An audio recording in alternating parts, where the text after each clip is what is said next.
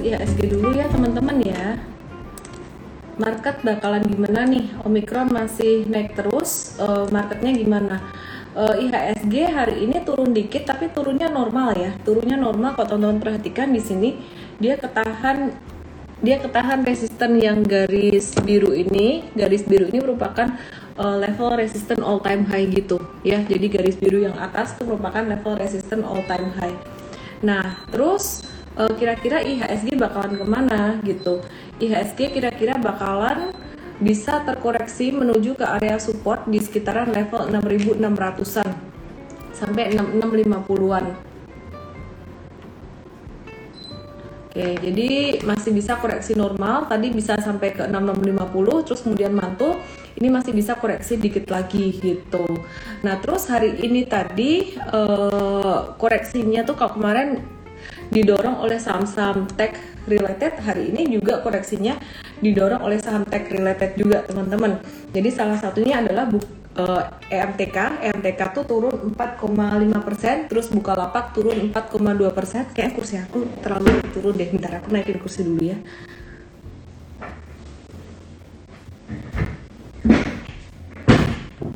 Oke. Okay. Oke. Okay. Terus Arto juga turun 4%, jadi kemarin yang naik-naik hari ini turun. Nah, yang menarik adalah saham-saham dari sektor uh, properti. Kalau sebelumnya kita nggak terlalu lirik sektor properti, sektor properti ini udah mulai aktif gitu ya dengan keringanan uh, untuk pajak dari uh, pemerintah gitu ya. Terus uh, jadi kita ada watch untuk sektor properti ini ada BSDE, SMRA dan juga CTRA dan sektor konstruksi yang tertinggal ini juga bisa mulai aktif ya hari ini udah mulai aktif contohnya BSKT, PTPP, Wika dan Adi gitu. Terus hari ini sektor batubara baik uh, komoditi batubara maupun juga komoditas lain seperti metals dan oil itu juga udah mulai aktif.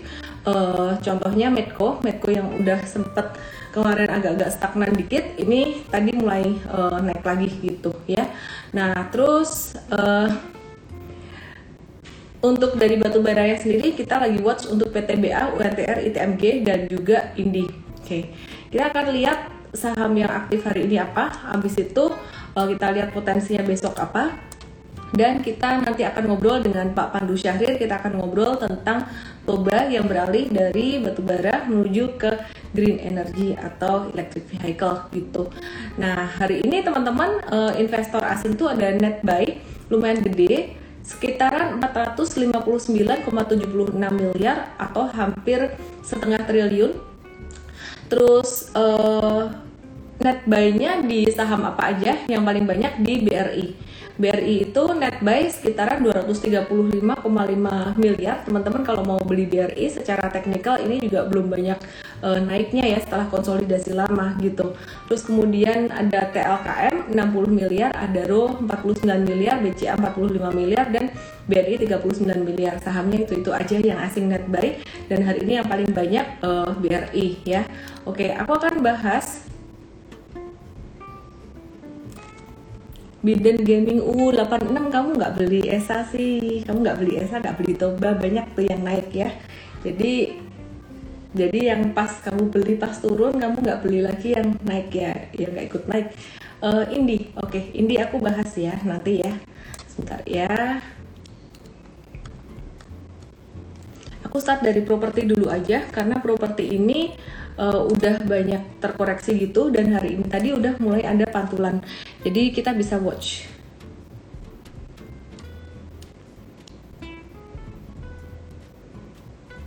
Nih perhatikan untuk uh, eh, CTRA hari ini udah mulai naik volumenya lumayan tinggi. Kemungkinan kalau naik lagi bisa sampai sekitaran 995 uh, untuk CTRA habis itu konsolidasi dikit atau normal consolidation terus kemudian bisa lanjut menguat lagi. Nah kemudian untuk SMRA SMRA ini fundamentalnya juga cukup uh, menarik ya teman-teman. Terus kalau BSDE dia juga pre-salesnya bagus kinerjanya bagus di laporan keuangan yang terakhir. Nah ini saham SMRA yang ini. Dua hari terakhir tuh dia juga naik dengan volume transaksi yang cukup tinggi. Jadi ya anyway uh, teman-teman bisa watch kalau misalkan dia ada koreksi bisa buy on weakness. Nah, terus kalau yang ini BSDE, BSDE ini kalau diperhatikan uh, beberapa waktu yang lalu dia sempat jatuh dengan volume transaksi besar. Jadi agak-agak bearish tapi ini udah mulai recover dan mulai recover naiknya volumenya lumayan tinggi gitu. Oke, Uh, nah itu properti, properti baru naik sekitaran 1-2 hari. Jadi teman-teman kalau misalkan mau masuk nunggu koreksinya, kayaknya bakalan bisa ada koreksi, bisa uh, turun gitu ya. Oke, terus sekarang kita akan lihat untuk sektor konstruksi hari ini juga naik lumayan signifikan uh, untuk WSKT dan udah tiga hari naik berturut-turut. Hari ini sih volumenya masih tinggi jadi kemungkinan besar besok masih bisa menguat lagi untuk WSKT-nya uh, eh, banyak yang masih nyangkut sih di WSKT ini. Jadi kalau uh, naik kayaknya bakalan nggak bisa sampai tinggi-tinggi amat sampai 700-an mentok dia akan ada koreksi lagi dan itu normal. Uh, di sini udah mulai bagus chartnya. Volumenya yang hijau udah mulai lebih tinggi daripada yang merah. Jadi ini udah mulai hopefully udah mulai recover ya gitu Toba gimana nanti kita akan bahas bareng dengan Pak Pandu Syahrir. Oke, teman-teman, kita akan lanjutin dengan saham dari sektor uh, konstruksi yang lain yaitu PTPP. PTPP. Nah, ini PTPP, teman-teman.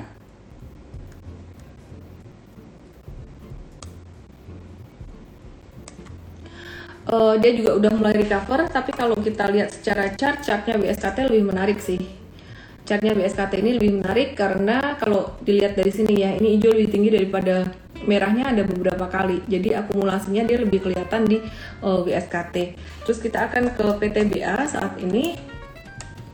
PTBA tadi sempat jatuh lumayan dalam ya terus kena MA50 dan uh, mantul. Uh, ini kalau aku perhatikan PTBA ini cocok untuk swing trading juga. Kenapa? Karena dia fluktuasinya lumayan dalam beberapa hari naik turunnya tuh lumayan. Jadi kalau teman-teman mau ngehold PTBA nih misalkan mau buy and hold agak lama uh, harus buy on weakness banget. Kalau enggak nanti kena ayunan atau kena swing ke bawah.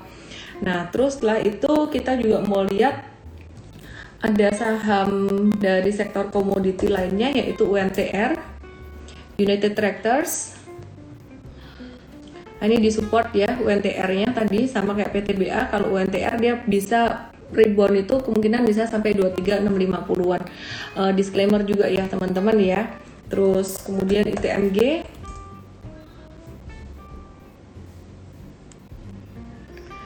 ITMG lagi disupport di sini. Kalau mau buy on weakness di sini lumayan low risk sekitaran level 20500 sampai 20900-an.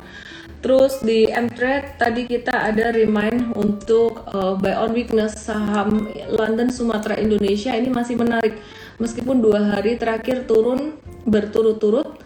Uh, teman-teman perhatikan ini dia naik volume tinggi dan dia jatuhnya di sini ketahan sideways-nya. Jadi tadi kita uh, remind untuk buy on weakness sekitaran area ini dan uh, bisa di hold untuk jangka pendek untuk swing trading beberapa hari maupun untuk jangka menengah juga karena dia trennya udah mulai recover baru akan recover.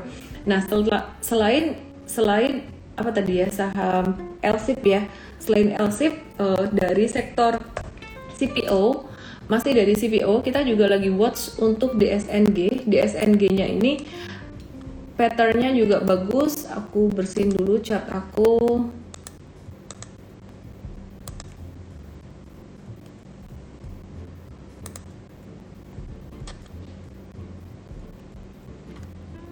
ya dia koreksi dekat area 540 ini uh, eh, 540 sampai 535 kalau kena ke sini ini level yang cukup oke okay untuk buy on weakness kecuali candlenya merah volume tebal.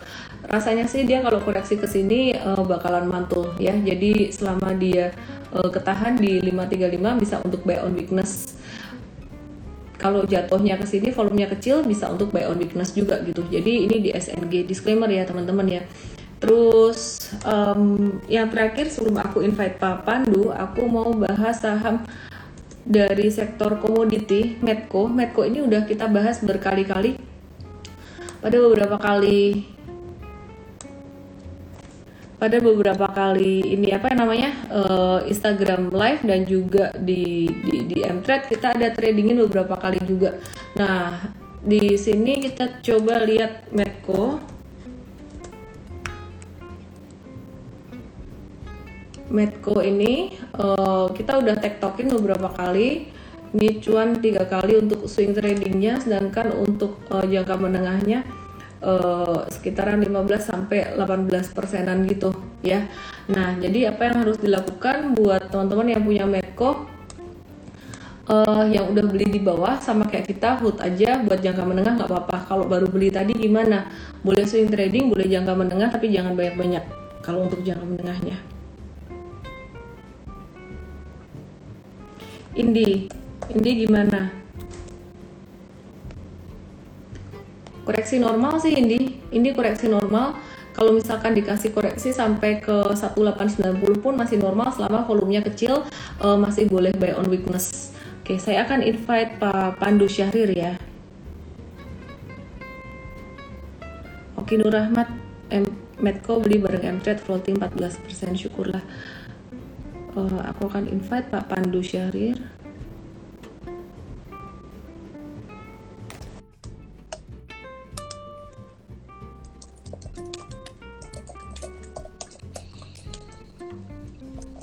Halo.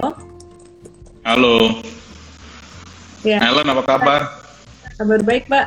Akhirnya kita ketemu lagi. Uh, Pak Pandu Iya, ketemu lagi. Apa kabar, Pak? Baik.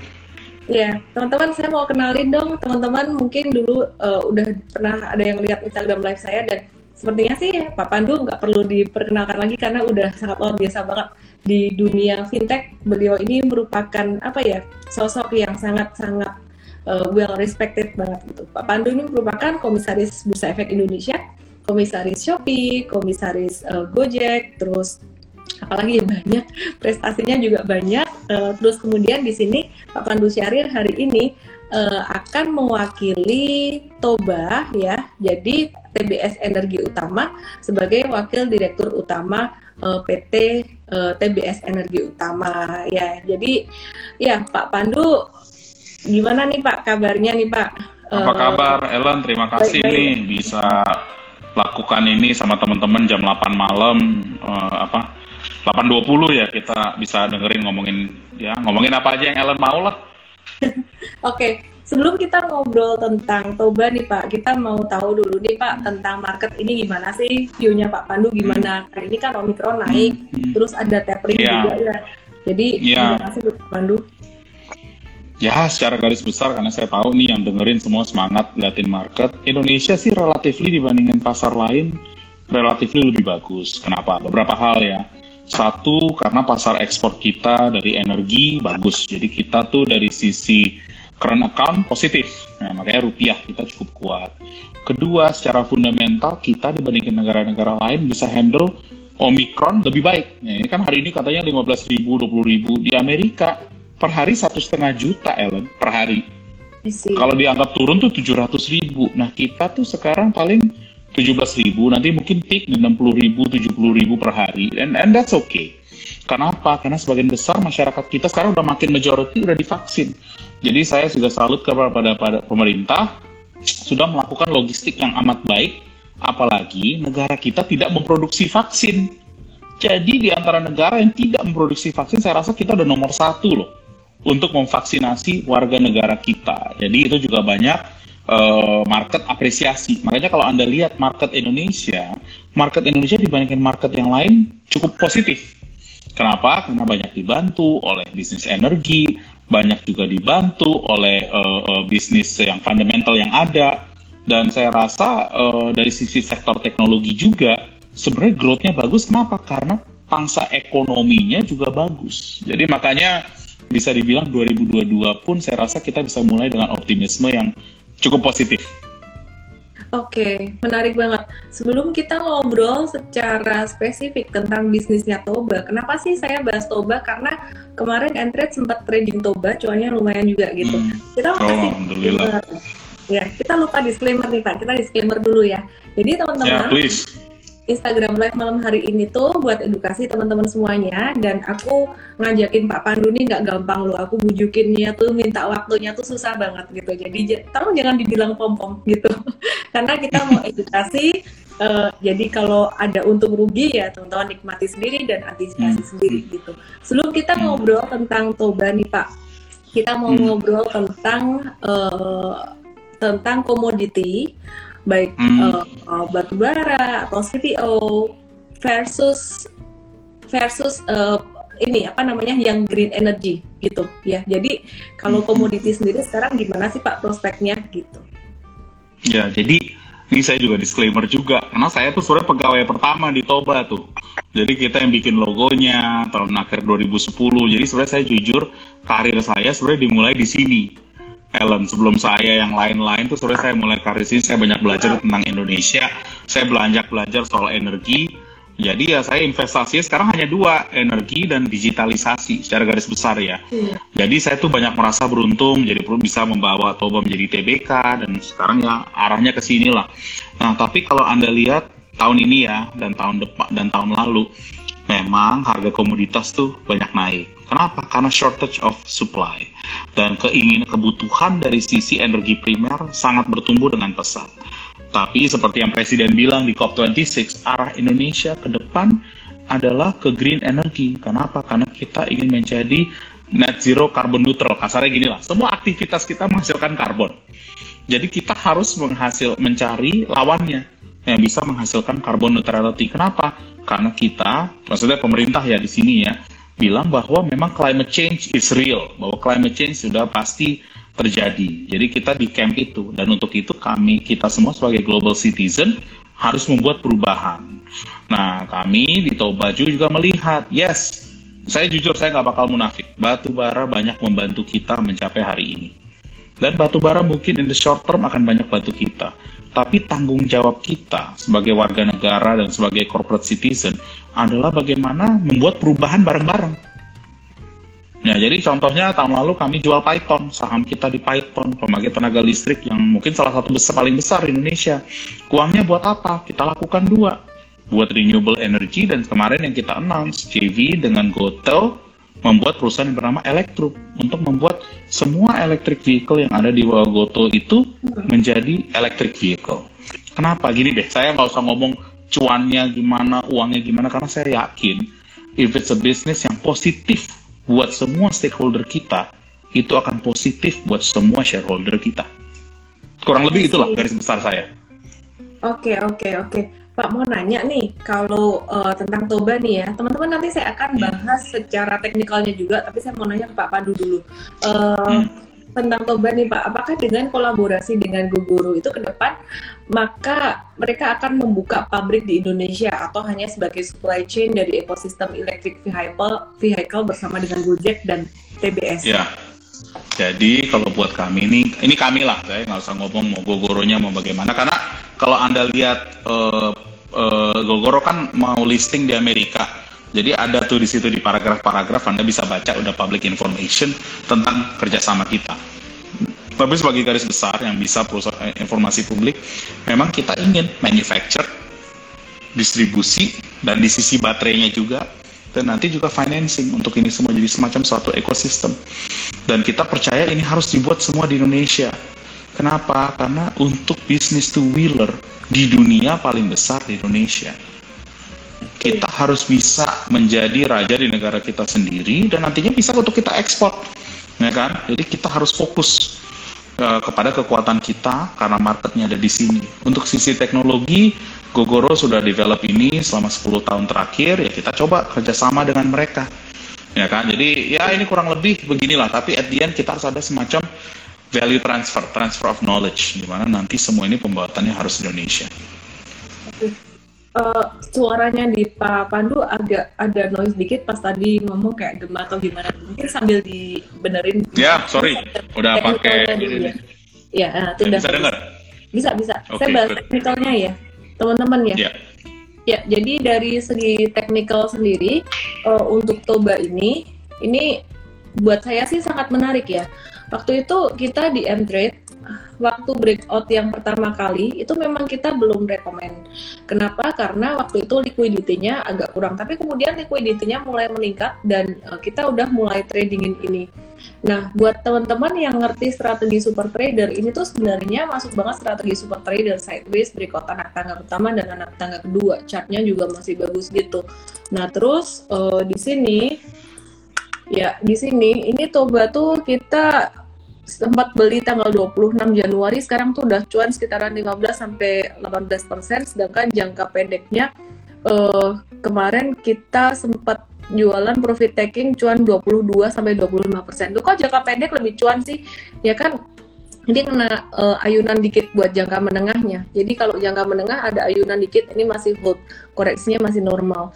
Buat yang mau beli, ya disclaimer teman-teman, ini bukan perintah beli, uh, tapi aku kasih tahu aja supportnya sekitaran level 1580-an. Kalau mau beli sekitar area ini lumayan low risk. Uh, selama dia masih di atas 1385, kalau mau buy on weakness tuh masih oke. Okay.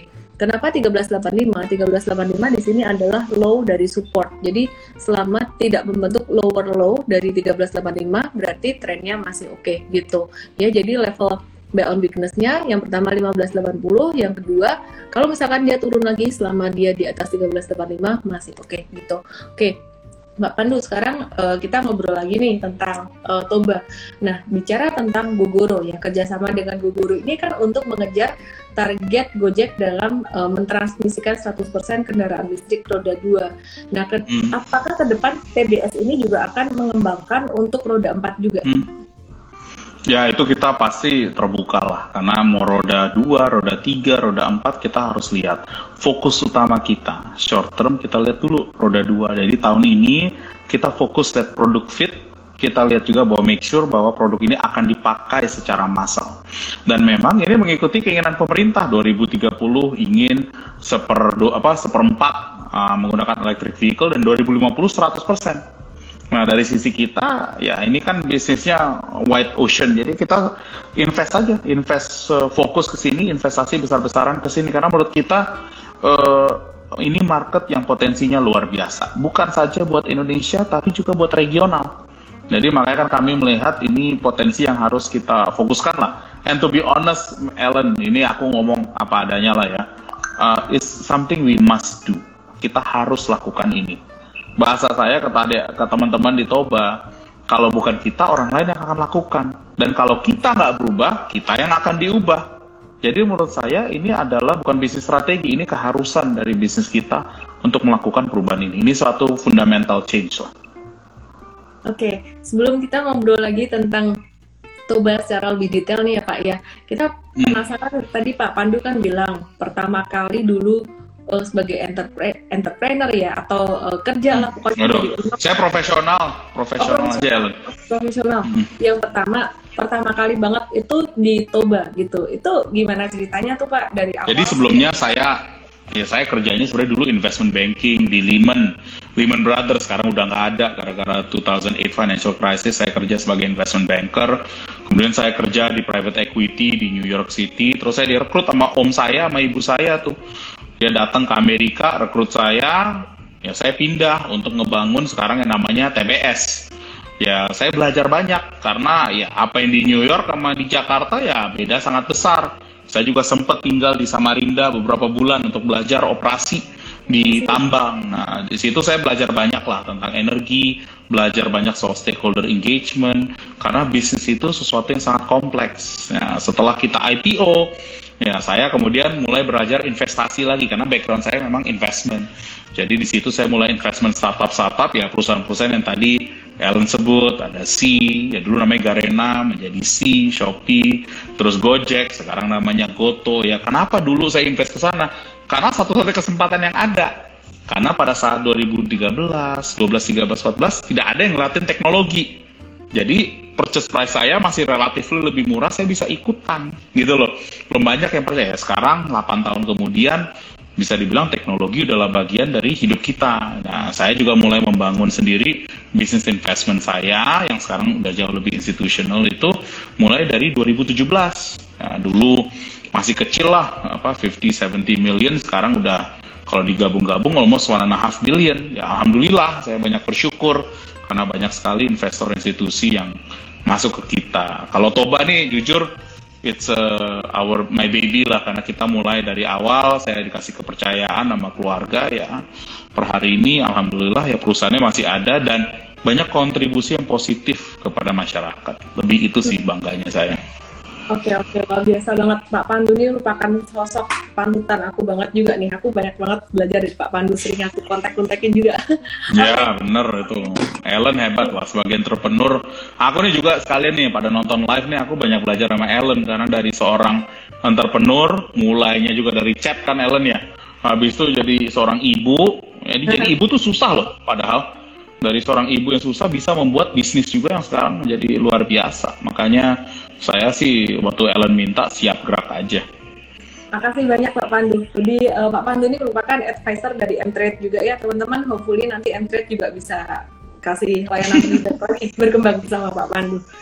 Oke. Okay. Insya Allah. Ya. Ini saya bahas sedikit komentar uh, dari audiens. Ada yang bilang gini hmm. nih, Pak Cara Menta semua kayaknya lagi main EV deh baterai dan boom short term naik abis itu dua tenggelam colek antam indi harum BTBA apalagi ya. Aku boleh kasih komen dikit nih buat mengenai silakan. Ya jadi uh, gini nih teman-teman. Ada dua view yang namanya teman-teman pasti tahu dong ya investment dan juga trading gitu Nah kalau biasa investment yang saya sebut uh, kayak misalkan ngisi ember dengan batu besar dulu itu kan saham-saham yang udah big cap dulu gitu ya. Teman-teman kalau pernah ngikutin seminar multi bagger yang ada di M-Trade itu beda. Itu saham-saham multi bagger adalah saham-saham yang uh, dulunya belum naik, yang masih masih masih biasa-biasa aja dilihat secara fundamental, kemudian dia naik dan pas turun itu koreksinya juga lumayan banget gitu. Jadi mungkin teman-teman sempat melihat saham-saham yang udah naik tinggi kayak dulu Saratoga, Asa uh, atau yang udah naik banyak banget. Dalam perjalanan naik banyak banget ini dia juga sempat turun lumayan. Jadi naik turun dalam terus naik lagi. Sekarang viewnya gimana? Teman-teman mau trading atau mau investing? Kalau mau trading berarti pakai aja chart kalau turun langsung jual gitu. Tapi kalau teman-teman mau investment, kita harus benar-benar paham secara fundamentalnya dan kalau ada koreksi atau turun itu justru malah kesempatan untuk masuk lagi buat para investor. Memang strateginya berbeda. Tapi untuk investor ini teman-teman harus benar-benar paham fundamental dan intinya tuh cash is the king, jangan semuanya all in. Jadi kalau mau beli ya belinya bertahap aja justru kalau buat investor uh, ketika dia turun justru malah dibeli gitu. Maka dari itu kita mau belajar nih fundamentalnya Toba tuh gimana gitu. Pak hmm. kalau untuk Toba sendiri nih Pak ya uh, bicara tentang bicara tentang fundamentalnya. Nah teman-teman kan mau belajar tentang fundamental. Uh, mungkin Pak Pandu hmm. bisa ceritain dikit nih tentang fundamentalnya Toba ini gimana Ya, jadi selama sejarah kita beroperasi, Anda lihat ya, kita grow our book value sejak IPO, sejak mulai lah IPO sampai sekarang, mungkin kurang lebih 18% USD growing book value-nya. Jadi kalau Anda lihat sebagai investor, saya taruh satu dolar, itu growing 18% per annum secara USD. Growing terus. Jadi bisa dibilang bisa naik hampir lima kali lipat dari book value ya karena ini ngomong investor ya, saya nggak ngomong saham, saya sebagai sebagai investor, saya ngeliat book value growth. Kenapa? Karena return seorang investor tuh hanya dua, dividend and growth of book value. Right? Saham itu adalah menilai bagaimana future growth dari suatu perusahaan.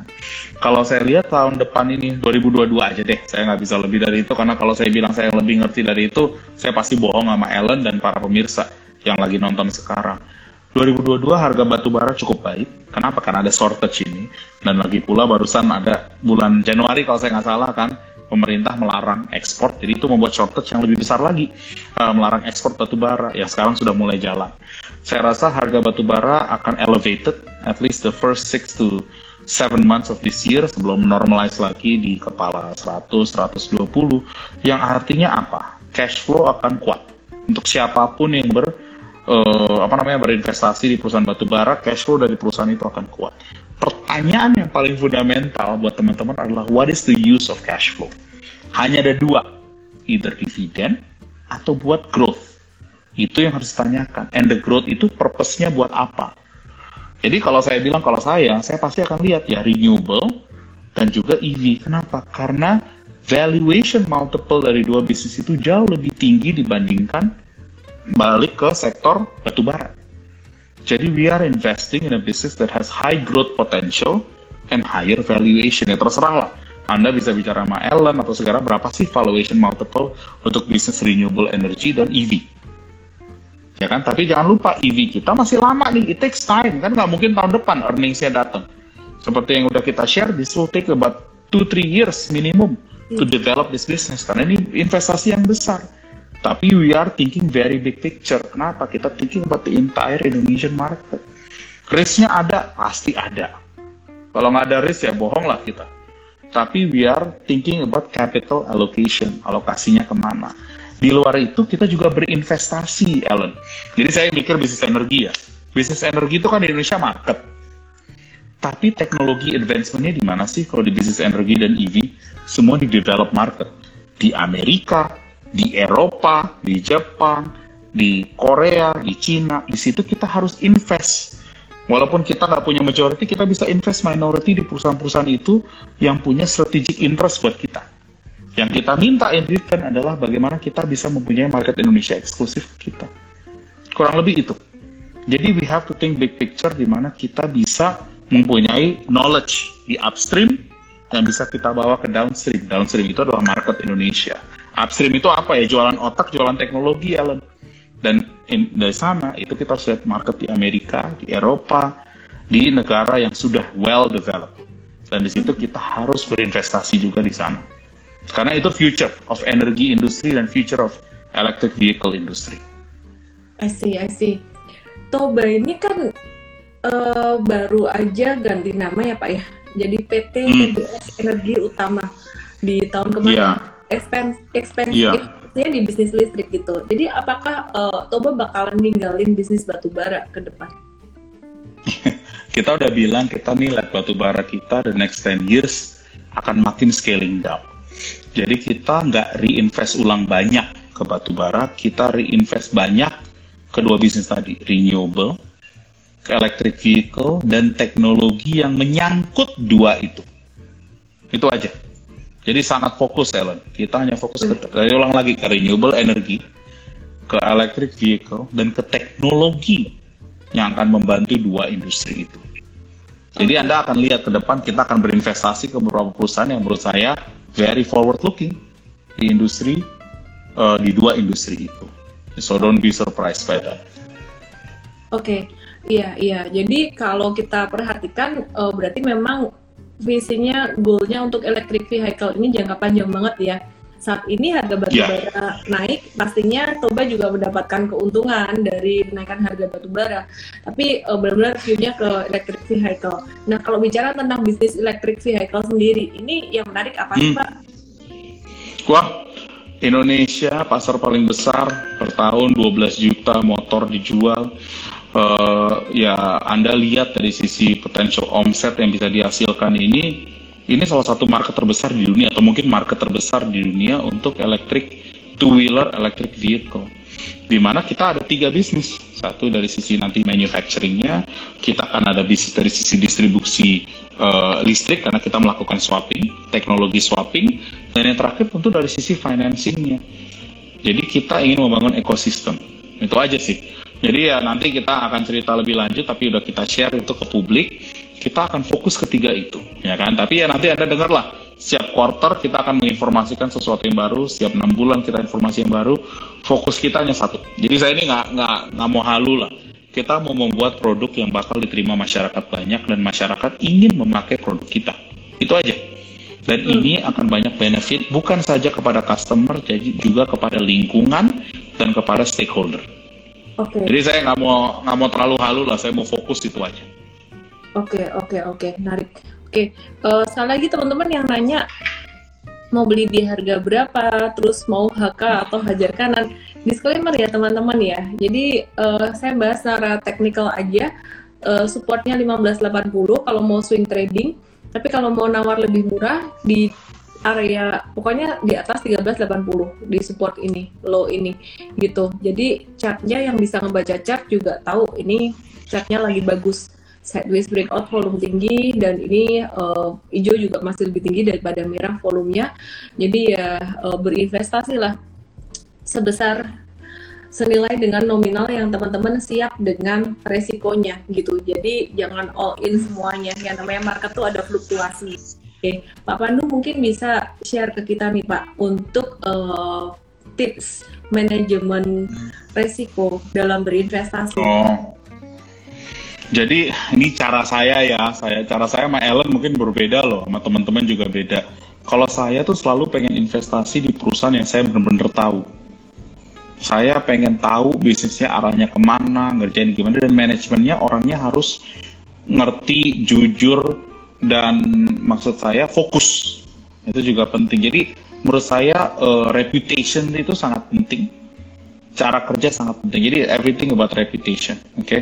saya ngerti lah di sini banyak juga investor yang daily trading. Saya juga tahu ada yang long term. Saya juga sebenarnya kalau invest saham nggak nggak kalau apalagi kalau equity ya saya cukup concentrated sih nggak bisa karena saya juga komisaris bursa saya udah outsource semua ke fund manager dan fund manager saya cukup concentrated paling posisinya 10 sampai 15 that's it ya kan dan invest and invest big meaningfully di perusahaan itu jadi narasi perusahaan yang jelas ceritanya jelas dan manajemennya jujur dan punya value yang bagus udah itu aja hmm. tapi itu kebanyakan kerja keras loh karena kesannya gampang menjalaninnya susah, iya kan?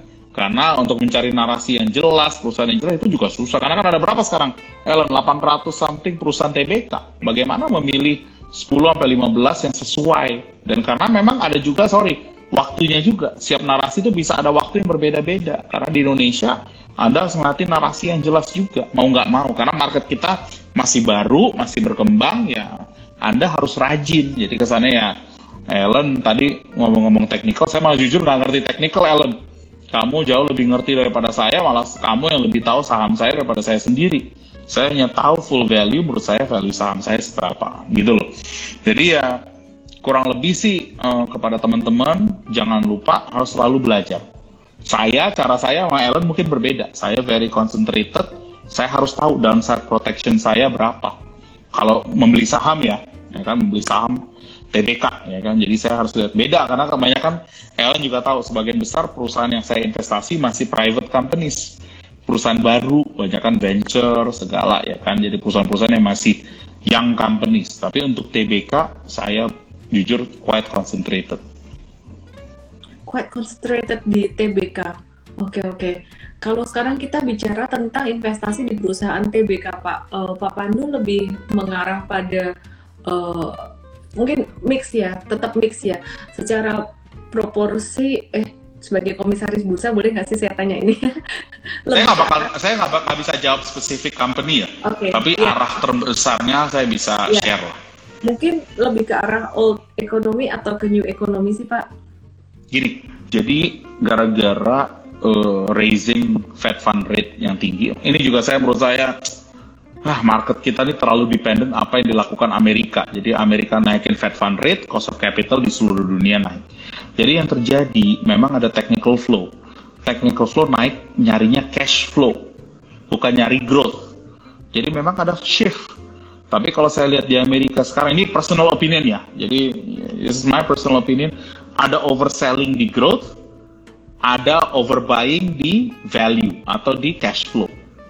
Jadi sebagian cash flow valuationary rating, malah yang high growth terjadi de-rating. Dan secara rata-rata yang de-rating dari high high growth itu yang misalnya perusahaan-perusahaan e-commerce, ya kan, perusahaan-perusahaan teknologi, melawan perusahaan-perusahaan energi, perusahaan-perusahaan bank, finansial, itu mungkin ada re-rating dan de-rating hampir mirip 30 sampai 40 persen.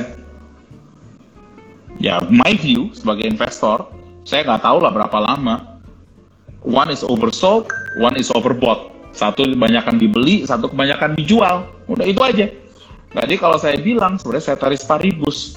Sekarang ada kesempatan 6 bulan, 12 bulan ke depan untuk membeli saham-saham high growth. Kenapa? Saya, saya cerita terbuka ya. Menurut saya, perusahaan-perusahaan yang high growth ini tetap growth-nya cepat. Nggak ada yang bakal berubah. Growth-nya masih tetap mungkin 25%, 30% ke atas hanya ekspektasi yang berubah dan cost of capital berubah. Tapi untuk perusahaan-perusahaan yang besar, sebenarnya kan cash mereka banyak. Ini menjadi barrier to entry, mereka menjadi semakin kuat.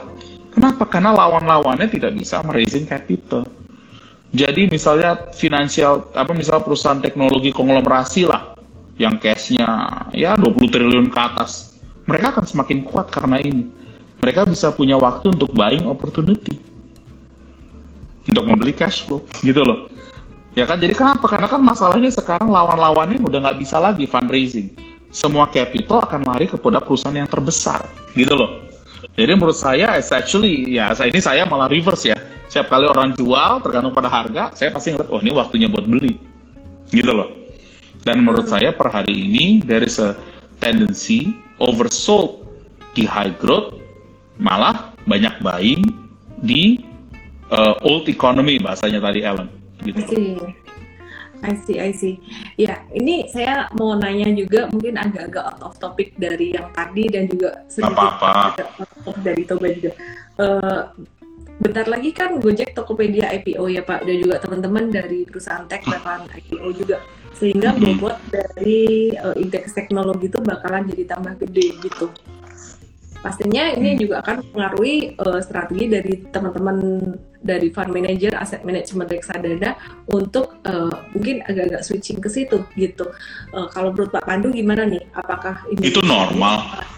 Iya, bakal Iya, menurut saya ini Iya, kalau Anda lihat di US top 10 company belum berubah even dengan devaluation yang terjadi. Top 10 companies di Amerika tetap majority adalah perusahaan teknologi. Di Indonesia baru mulai. Malah bisa dibilang karena kan adopsi teknologi di Indonesia cukup cepat.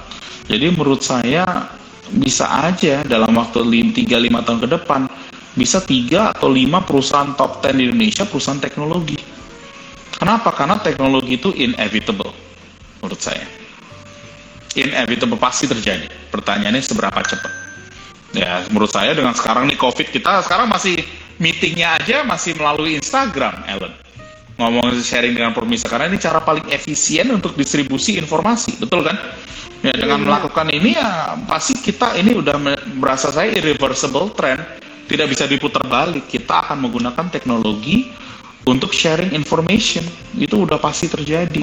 Makanya balik lagi pertanyaannya Ellen tadi trennya 3-5 tahun ke depan tetap saja. Bisa aja eh, tiga atau lima perusahaan terbesar di Indonesia bisa aja perusahaan teknologi itu menurut saya inevitable. Bank digital kah? E-commerce kah? Uh, yang lain-lain lah. Itu menurut saya inevitable. Hmm, oke oke oke. Ini saya ngebahas sedikit komentar dari netizen barusan. Ada yang bilang apa-apa. hajar kanan uh, Toba dan BBHI terus biarin tidur sampai lima tahun gitu.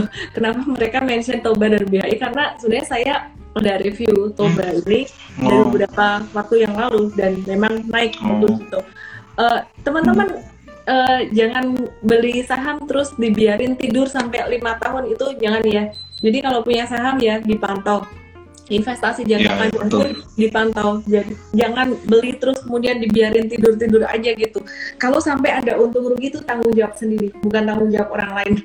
Jadi hmm. fundamental perusahaan ya. Jadi apa yang terjadi pada perusahaan uh, itu tidak selalu relate dengan harga saham teman-teman. Jadi kalau misalkan fundamental perusahaan bagus ada perusahaan yang valuasinya uh, lagi masih murah uh, belum tentu harga sahamnya akan langsung naik dan ini kebetulan coba kebetulan pas lagi tren naik gitu.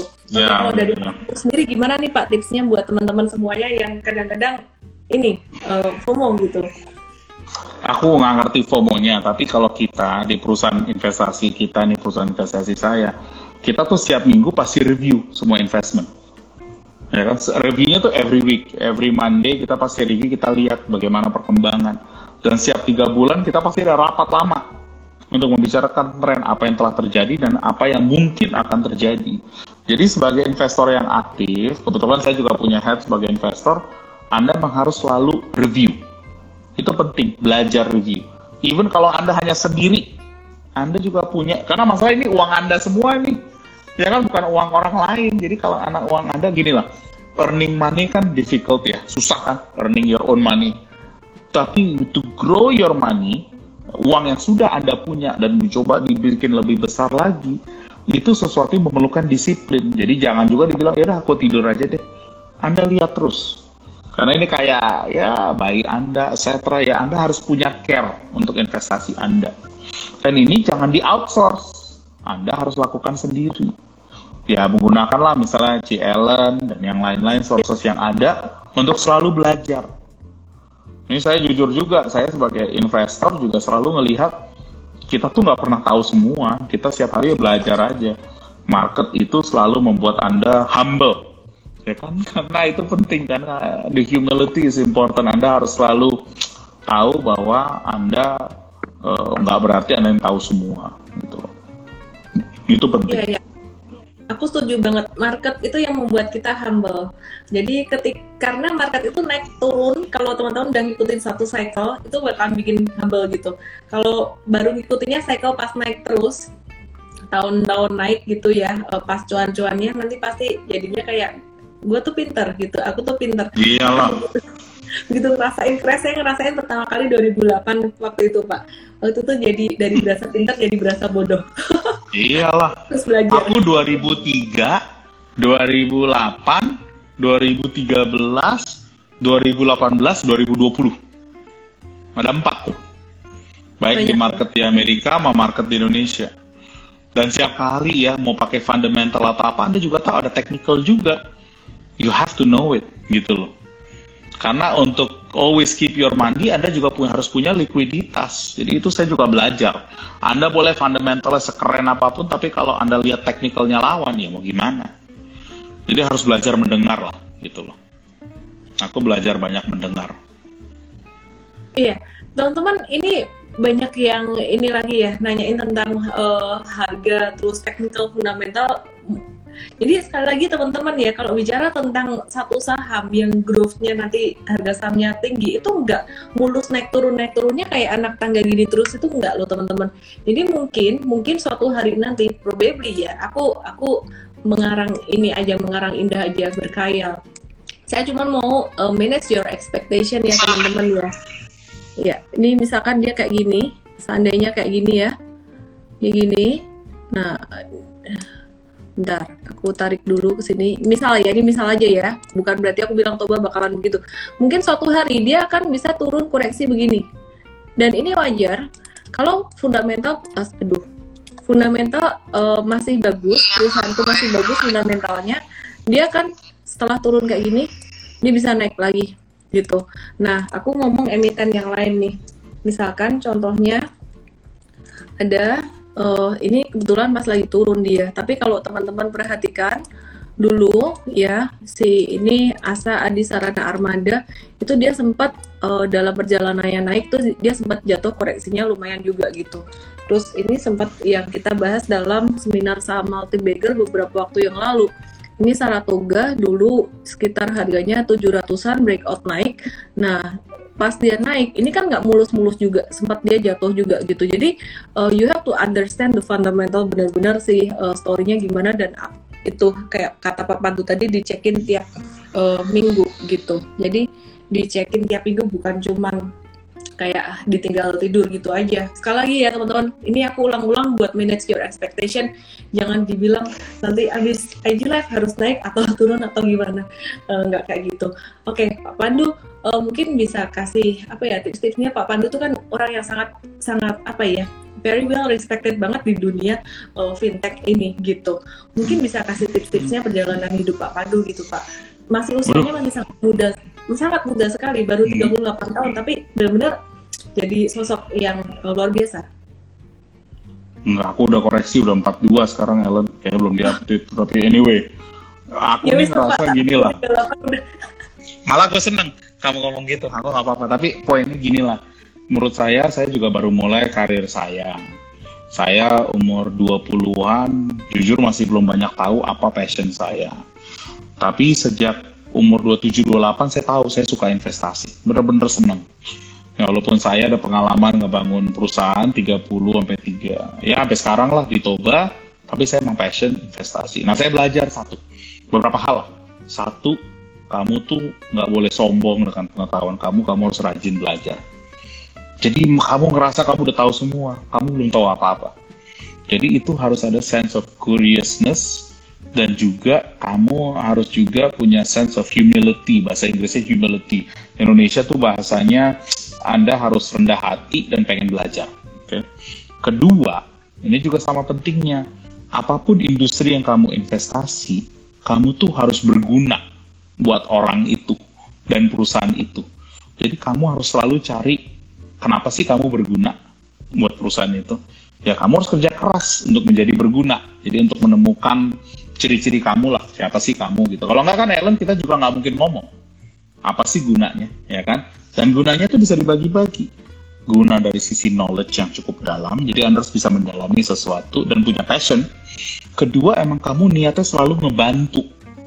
Kalau kamu punya niat selalu ngebantu orang, ngebantu perusahaan, ngebantu founders, orang will always find you useful. Kenapa? Karena kamu ngebantu seseorang pakai hati, bukan hanya gara-gara ingin transaksi. Itu beda. Jadi kayak sama Ella saya bilang ini adalah life journey kamu. Kamu dari sini menjadi ke sini, kamu ingin ke sini. Ya, poin A, B, C. Jadi long term. Di situ orang akan hargain kamu dan kamu akan menjadi selalu useful, berguna buat orang itu.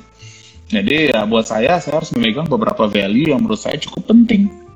Satu adalah Anda harus punya level humility, nggak sombong rendah hati. Yang kedua, Anda juga perlu melakukan sesuatu yang bisa berguna buat banyak orang atau buat perusahaan yang Anda investasikan atau buat founders. Itu aja sih, Alan. Saya sih nggak terlalu apa ke mana-mana lah. Saya hanya fokus dua itu. Dan kalau investasi saya hanya dua kan. Saya hanya di energi, transisi energi dan digitalisasi. Itu aja.